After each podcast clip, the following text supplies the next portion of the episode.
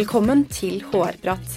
I denne podkasten intervjuer vi HR-ledere, ledere og andre spesialister på sitt felt for å diskutere de utfordringene som dagens HR-ledere står overfor. Vi tar opp temaer innen ledelse, organisasjon, arbeidsrett og praktiske utfordringer innen HR. Mitt navn er Lene Gjevert, og jeg jobber som HR-manager i Visma. Velkommen til ny episode av HR-prat. Dagens tema er psykologiske tester i arbeidslivet. Og for å snakke om dette har vi invitert Espen Skorstad. Velkommen til deg. Tusen hjertelig. Kan ikke du begynne med å fortelle oss litt om deg selv? Litt om meg selv. Eh, jeg er 49 år. Jeg er utdanna psykolog i Oslo. Jeg har jobbet med arbeidspsykologiske tester stort sett siden jeg var uh, ferdigutdanna i år 2000. Så det begynner å bli mange år, altså. Mm, det er en liten stund. Ja, det er jaggu ta meg en stund. Ja. Eh, tester har jo blitt en integrert del av rekruttering, men det har vel ikke alltid vært slik. Eh, vi skal vel ikke så veldig lang tid tilbake altså for at det var ganske mye skepsis rundt bruk av tester? Jeg opplever vel fortsatt at det er litt, eh, litt skepsis. Ja. Historisk sett så har vi kanskje først folk og fremst eh, snakka med kandidatene. Gjennomført intervjuer, i hvert fall sånn i nær tid. Da går vi lenger tilbake i tid. Da snakker vi jo om folk som fikk jobb pga. Uh, familie eller uh, nettverk eller kontakter. Mm. Så vi tenker jo at uh, tester er nyttig, fordi det er en uh, mer objektiv tilnærming til rekruttering enn mye annet. Ja, Men du sier at det fortsatt er litt skepsis. Uh, har du noe inntrykk av altså, Hva skyldes det? Er det liksom det at vi har lyst til å holdt på å si ansette naboen, eller litt sånn 'jeg liker deg', noen av de der i tradisjonelle fallgruvene, eller hvorfor er skepsisen der? Jeg tror det er flere grunner. Hvis vi tar kandidatperspektivet, så kan jo testene være vanskelig å ta. Så noen syns det er utfordrende. Mm. Eh, enkelte tilfeller så kan det nesten sammenlignes litt som en eksamen. Ja. Og det er få av oss som tenker at fy søren, det blir kult å ta eksamen. Ja. Så det er jo et uh, perspektiv vi må ha med oss i en sammenheng her. Eh, når det gjelder på arbeidsgiversiden, så tenker jeg at skepsisen ofte dreier seg om uh, mangel på kompetanse. Okay. Fordi all forskning og stort sett all praksis og nær sagt tilsier at vi bør bruke tester i rekruttering. Skal vi gå ordentlig inn i den skepsisen, så tror jeg nok også mye handler om at bruken av tester eller manualer eh, blir et, en slags sånn eh, hva skal vi kalle det? Um, det blir et hjelpemiddel som kanskje fratar uh, den som skal gjennomføre rekrutteringen, å bruke sine egne personlige egenskaper ja. til en viss grad. Man har liksom et, et verktøy, da, en maskin litt ja. utenfor seg selv, som bidrar i beslutningen, som kan bli litt fremmedgjørende for en del folk, tror jeg. Ja, det er vel det at du kanskje får en litt sånn, uten, altså sånn en Eh, i gåseøyne objektiv dom ja. på liksom dette her er bra eller ikke bra. Ja. Og det er vel kanskje noe med usikkerheten kanskje for eh, den som er kandidat, at her blir jeg vurdert, og her har jeg ikke mulighet til å kanskje ja. forklare meg ut av det eller fortelle hvordan, hvorfor. Sånn som man egentlig ofte kan i intervjusetting. Eh, her kommer liksom bare dommen at sånn er du. Og det er vel kanskje noe som er litt Ja, jeg vet ikke ja, sånn er du. Den er kanskje å dra det litt langt, men mm. uh, får i hvert fall litt uh, Forhåpentligvis litt til, uh, nyttig tilleggsinformasjon da, om, om, den som har søkt jobben. Uh, det fins også ganske mye dokumentasjon på kandidatopplevelsen. Ja. der fins det mye forskning, ikke mm. bare gjennomført av aktører som oss, men også fra de store utdanningsinstitusjonene. Og det viser faktisk at de metodene som er mest populære, altså det også, tester er blant de, men det er også blant de minst populære. Så vi kan egentlig ikke snakke om tester som en enhetlig kategori, vi må se litt på ulike typer tester. Ja. Og det folk ikke liker, det er det som er kjent som integritetstester. Okay. Og Det er tester som Det har jo fått, uh, også fått en del negativ medieomtale i, i Norge. Det var uh, en dagligvarekjede som brukte integritetstester på alle sine ansatte. og det handler jo, Da er spørsmålet ganske ubehagelig. Man prøver å avdekke om folk stjeler i butikken, ja. om de kommer tidsnok, uh, om de melder seg syke når de ikke er syke osv. Det er klart at det er jo ikke spørsmål vi er spesielt glad i å svare Og det kommer også fram i undersøkelsen at det vi ikke kan kandidatene ha. Nei. Mens f.eks. evnetester, som er mer sånn problemløsning, eh, trekke ut essensen fra en tekst, eller gjøre noen enkle numeriske beregninger, eller eh, løse noen sånne figurproblemer, eh, eller noe sånt, det syns faktisk folk er ganske ålreit. Ja. Og det vil man kanskje ikke tro. Nei. Og personlighetstester det er vel sånn eh, midt imellom der et sted. Og intervjuet, da, bare for å ta det som en sammenligning, det spriker i ja. alle retninger, egentlig. For å, og som lytterne helt sikkert kan tenke seg, så er det jo veldig stor forskjell på intervjuer. Ja. Noen er veldig profesjonelle og spør om jobbrelaterte viktige ting på en måte som gjør at de kan sammenligne kandidatene opp mot hverandre, mens andre spør om ting de absolutt ikke bør stille, ja. eh, og som vil grense opp mot det uetiske. Så eh, jeg tenker nok at um, ja, det blir, det ble nesten med intervjuet som med tester at det blir nesten vanskelig å snakke om det som en enhetlig størrelse ja. også, for det er så stor forskjell. Det handler om hvordan man bruker det og, ja. altså, som et verktøy. Mm. Altså, du kan vel sikkert gjennomføre en tilbakelesing på en test på en ganske dårlig måte og ha akkurat samme resultatet og gjennomføre en tilbakelesing på en god måte, og da vil du selvfølgelig ha to forskjellige kandidater med to forskjellige opplevelser. Det er akkurat det. Ja. Så uh, hvordan det gjøres blir jo, blir jo selvfølgelig veldig, veldig viktig. Altså. Men av de som hører på, så har vi jo sikkert både de som uh, holdt på å si har blitt testet testet, og de som utsetter kandidater for tester, og kanskje noen som aldri har tatt en test før. Kan du fortelle litt om hva som kjennetegner god bruk av tester? Ja. En god bruk av tester, da tar man gjerne utgangspunkt i eh, jobben det er snakk om, den aktuelle stillingen. Og så prøver man å avdekke hva slags uh, faglig kompetanse trenger man, og hva slags personlig kompetanse trenger man. Og Personlig kompetanse kan jo gå på ting som uh, f.eks. lederegenskaper eller personlige egenskaper, og så prøver man å spesifisere hva er det vi er ute etter knytta til den spesielle jobben. Og så velger man tester ut fra det. Ja. Og Det er ganske viktig, altså, at man ikke går inn med et sånt uh, generelt testbatteri og bruker det litt over en lav sko, men at man heller tenker på hva er det vi er ute etter her. Prøver å finne de beste måleverktøyene, enten det er tester eller andre metoder. Jeg tror ikke vi skal liksom låse oss helt til dette med tester, for det kan være vi har vært innom intervjuet, det kan være simuleringsøvelser. Eh, det kommer jo litt an på hva man skal gjøre i jobben. Absolutt. Eh, og det å finne en metode som er best egnet for å kartlegge det man skal gjøre i jobben, det må være det overordna formålet. Og så blir det å ta vare på kandidaten oppi det her, og da handler det om at den skal få en ordentlig og god tilbakemelding, skriftlig eller muntlig. Mm -hmm. Og også vite hva som skjer med data. Ja. Så med økt fokus på GDPR og personvern, så har det heldigvis også blitt en større bevissthet rundt det blant arbeidsgivere. Mm. Men jeg, eh, Du var jo litt innpå det i forhold til evnetester, at det kanskje ikke er så skummelt som eh, Eller jeg har i hvert fall tenkt at det kan i noen settinger være litt sånn touchy med evnetester. Eh, kan du si litt om hvordan man håndterer akkurat den type tester på en god måte? Ja, så mm. god bruk av evnetester. De blir jo veldig ofte brukt i screening av store eh, søkergrupper. Så evnetester blir veldig ofte lagt i front av rekrutteringsprosessene. Så type trinn 1 kan være å se om søkeren har de gitte kvalifikasjonene, altså har den riktige utdannelsen. Eh, dernest så kommer ofte evnetestene for å finne ut om, om, de har det nivået som trengs da, for en gitt stilling. Så mm. um, evnetester beregnes jo for å være blant de mest presise verktøyene vi har. Ja. Og det går egentlig på tvers av stillinger, altså. Ja. Men vi ser at verdien av uh, evner og problemløsning gjerne øker med stillingens kompleksitet. Mm. Men det betyr ikke at uh, det man kanskje vil tenke seg er enkle stillinger, at evnetester ikke har noen betydning der. Snarere tvert imot. Vi har bl.a. sett på en studie av eh, ja, det er vel kanskje Norges største dagligvarekjede. Og Der har vi sett på de som jobber i butikk. Og eh, blant de psykologiske egenskapene som er viktigst for å gjøre en god eh, jobb i butikk, i dagligvare, så er faktisk eh, evne helt sentralt. Ja. For det handler om hvor eh, raskt man lærer, hvor raskt man utfører oppgavene, om man gjør mye feil osv. Så, videre, og så, videre. så det er eh, tematikk vi kartlegger der som vi anser som viktig på tvers av jobber. Mm, spennende. Men eh, personlighet er jo noe vi også bruker mye, i mange i hvert fall bransjer bruker mye tid på å snakke om i rekrutteringssammenheng. Mm. Eh, og det er jo veldig komplekst, naturlig nok.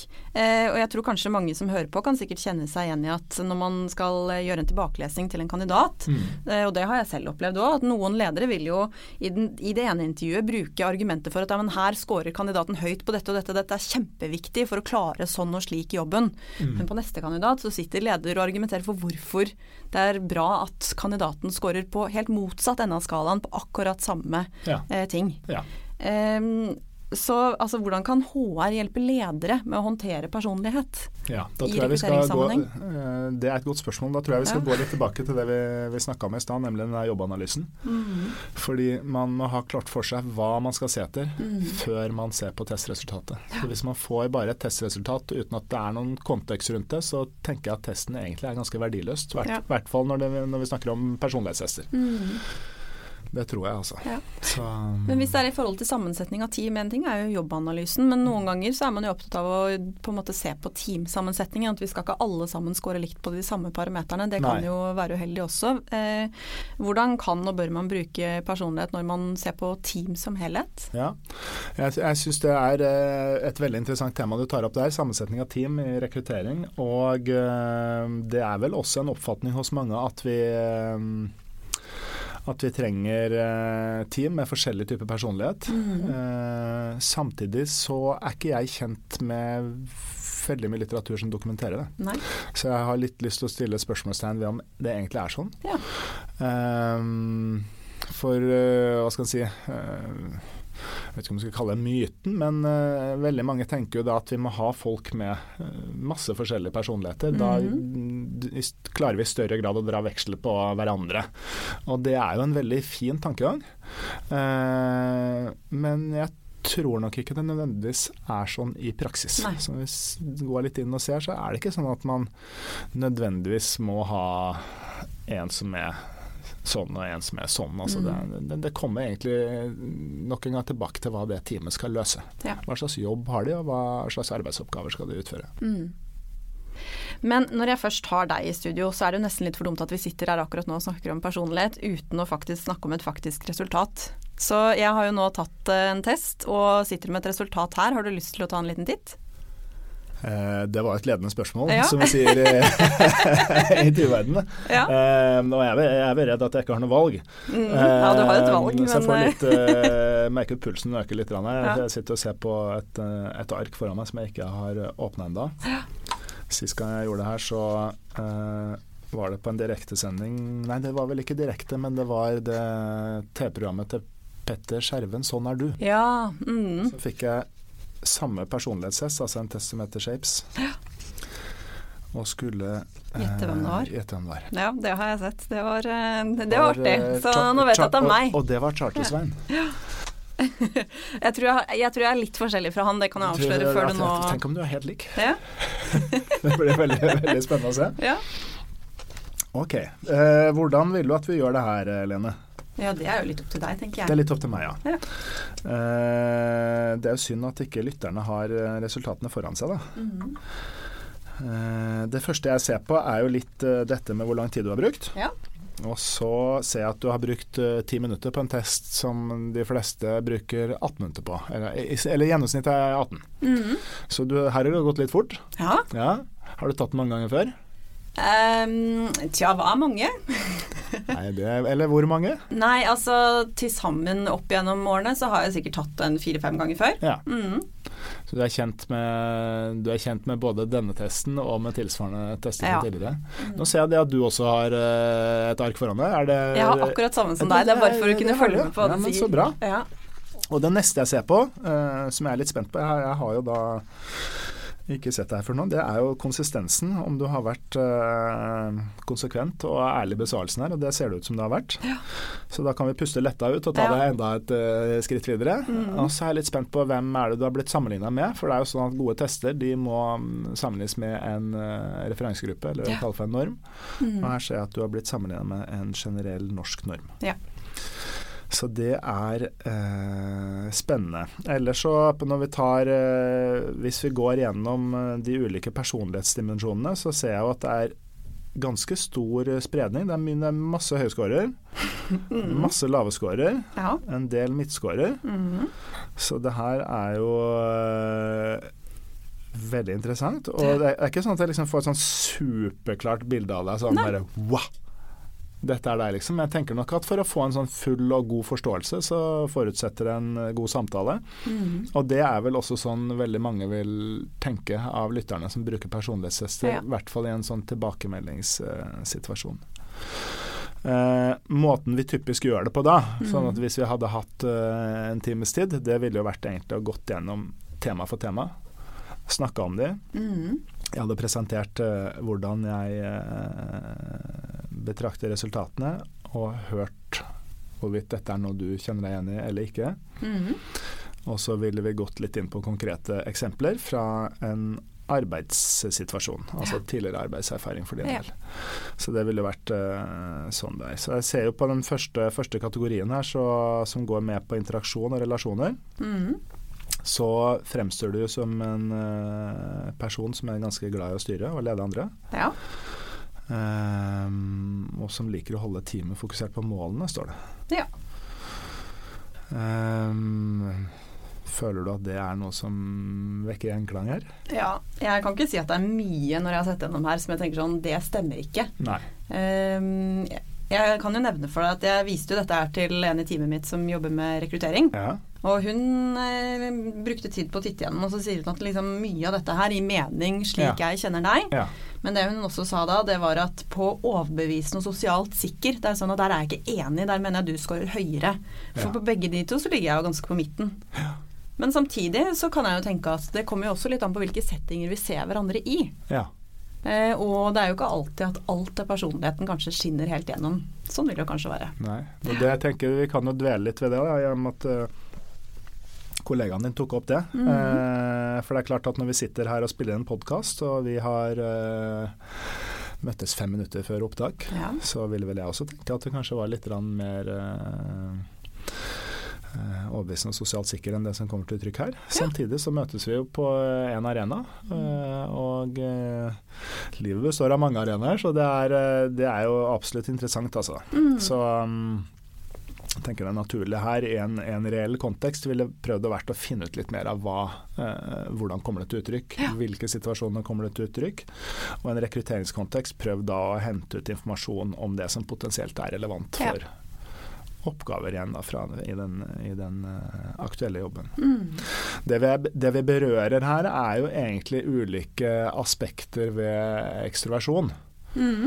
Og det er jo, ser jo litt lenger ned, så har du en, en score som heter utadvendt, og der, der, kommer det jo et standardavvik over det som uh, er vanlig i den mm. målgruppa her. Så um, du er jo bestemt ikke noen uh, introvert uh, person. Nei, det er ikke noe overraskelse. Det tror jeg vel er ganske, ganske tydelig her. Um, men det er, jeg, jeg syns at, jo at, dette med ekstroversjon er, eh, både i ditt tilfelle når jeg ser på resultatene, men også sånn generelt sett et veldig veldig spennende tema. For at det har to egentlig grunnkomponenter. Mm -hmm. Og det ene går uh, med på det som vi kanskje kan kalle for uh, livlighet og energi på den ene siden. Mm -hmm. uh, mens det andre går mer på hva skal en si, pratsomhet, eh, den, den sosiale, sosiale, delen, om vi skal kalle ja. det. Sånn at, eh, og i, tillegg så er det også et tema som, eh, som, berører dette med dominans. Og det er vel egentlig et tema som de færreste er klar over at det er knytta til uh, utadvendthet. At mm. de som ligger sånn generelt høyt på utadvendthet, de har en ørliten tilbøyelighet til å være litt mer eh, dominante i sosiale settinger. Mm. Tror jeg ikke kommer som noen overraskelse for de som eh, kjenner meg som eventuelt hører på nå. Mm. Men eh, kan du gi noen eksempler på altså Hvis dette hadde vært en intervjusituasjon, mm. tolkninger, avklaringer basert på de resultatene du ser? Ja, hva tenker du på da?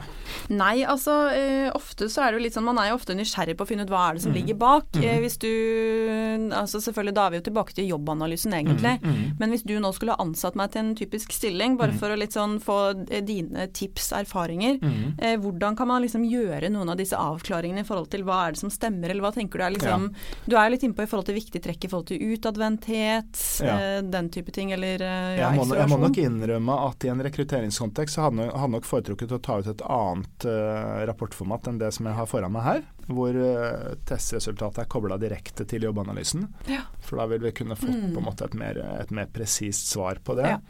Det som fort vil skje når vi sitter med en sånn generisk personlighetsprofil som nå, er at det fort uh, kommer et lite uh, islett av skjønn inn i de vurderingene. Mm. Og du var litt inne på det selv i stad ja. også, hvor du hadde ledere sant, som argumenterte for mm. og mot ut fra et gitt resultat. Og det er jo litt av holdt på å si både ja, Noen vil kanskje si styrken, men i hvert fall også ulempen ved ja. denne type rapporter. At det er jo ikke et riktig eller galt eh, svar her, om vi kan si det sånn. Det ikke, går ikke an å si at dette er liksom wow, dette er en superprofil, eller dette er helt og håpløse greier. Det kommer igjen an på hva slags personlige egenskaper man trenger ut fra jobben. Og mm. hvis ikke de er definert i forkant, så er jeg litt usikker på hvorvidt personlighetstesting tilfører så mye tilleggsverdi. Ja. Det som fort kan skje, er at vi får en sånn opplevelse, eller den som gir den tilbakemeldingen, får en opplevelse av å bli mer kjent med personen. Men det er ikke gitt at det å bli mer kjent med noen eh, tilfører eh, noe verdi i seg selv. Nei. Da er det nesten lett å gå i en klassisk Altså magefølelse kan det, fort det komme nettopp, i Det er nettopp det, altså. Mm. Det er nettopp det. Andre kommentarer om uh, min personlighet? jeg ble, ble litt nysgjerrig på den strukturdelen, da. ja. samvittighetsfullhetsdelen. Mm. der har vi jo noen litt sånn mange vil vel kanskje tenke at det er litt eh, paradoksale funn også. For du, på den ene siden så har du en uh, score på resultatbevisst som er uh, relativt høy. Mm -hmm. Mens du ligger litt eller, og ikke bare litt, men du ligger en god del lavere på henholdsvis planleggende og samvittighetsfull. Jeg kan jo være så ærlig å si at jeg syns jo faktisk synd på en del av kollegaene mine når jeg ser på alt som ligger under operasjonelt. Og det er jo sikkert er, Resultatene kan jo sikkert også ja. være litt farget av ja. rolle, ja. kanskje tempo i hverdagen. Eh, så i forhold til det du er inne på med samvittighetsfull, så er det ikke noe sånn at eh, ja. Når det, står, det står jo, og det er jo ofte det som kandidater ofte kanskje syns er litt ubehagelig, men det står jo 'ignorere regler og forskrifter for å få ting gjort'. Mm. Og Det høres nesten ut som han er en sånn småkriminell eh, person. Jeg høres ut som han er en lovbryter. Nei, nei, men eh, det er vel eh, kanskje at man har et pragmatisk forhold til kanskje prosesser, prosedyrer, altså, og ser kanskje utfordringer noen ganger i en kanskje hverdag som går litt fort, eller ja, ja. kanskje et stort, komplekst uh, selskap, eller um, ja. Mm. Så jeg har noen tanker om ja, jeg er ikke overrasket, det kan jeg ikke si at den havner der, det er jeg ikke. Nei. Men jeg skjønner at i en rekrutteringssammenheng så, så har man kanskje en liten forklaringsjobb på hvorfor scorer jeg der. Jeg syns du ga en veldig fin beskrivelse av det. Mm. Det som er tydelig her, er at du ikke er noen sånn eh, det er ikke noe stålhard regelrytter, det tror jeg vi kan uh, fastslå. Litt mindre systematisk og velorganisert enn mm. det som er vanlig i denne uh, referansegruppa. Så kunne det vært interessant å høre kanskje mm, i hvilke situasjoner er det dette kommer til uttrykk. da. Er det sånn at det hender at du kommer for seint, eller er det sånn at du kan bomme på tidsfrister, eller er det prioriteringene som glipper? Så det tenker jeg vil kanskje vært litt sånn tematikk ja. som kunne vært interessant å høre litt om. Mm.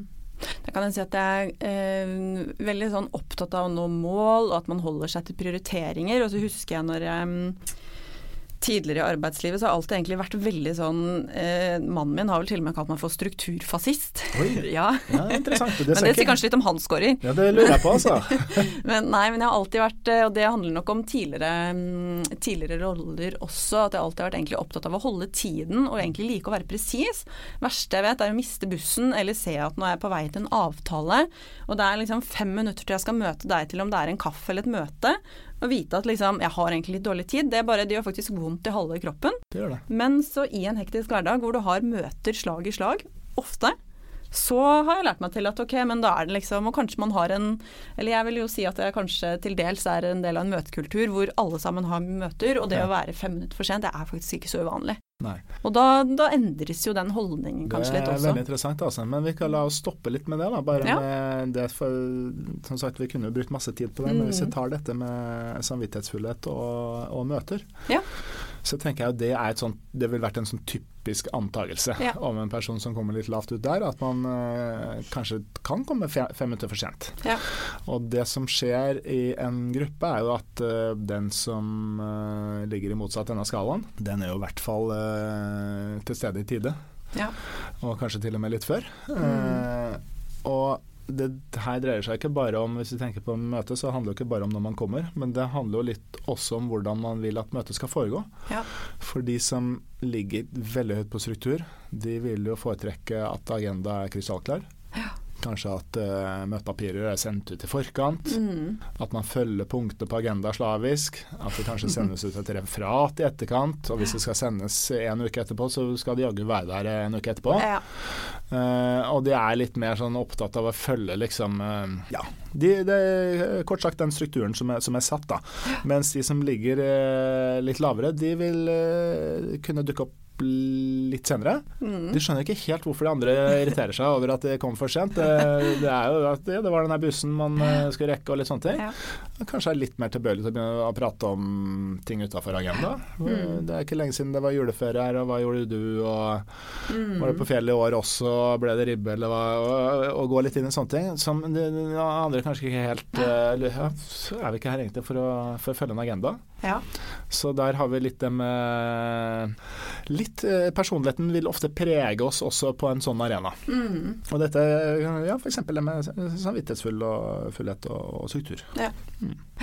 Ja, og jeg skjønner jo basert på de refleksjonene du kom med her nå i forhold til skårene, så tenker jeg at jeg skjønner jo det du sier at uh, da står vi Altså vi kan, du og jeg kan bli godt kjent av å diskutere disse tingene, men samtidig i forhold til hvis jeg nå hadde søkt på en jobb hos deg, så blir det jo at vi blir godt kjent, og enten så syns du det høres uh, utrolig behagelig ut at jeg er så avslappet på enkelte av disse tingene, eller så tenker du guri malla så irriterende det må være å ha møter med dette mennesket.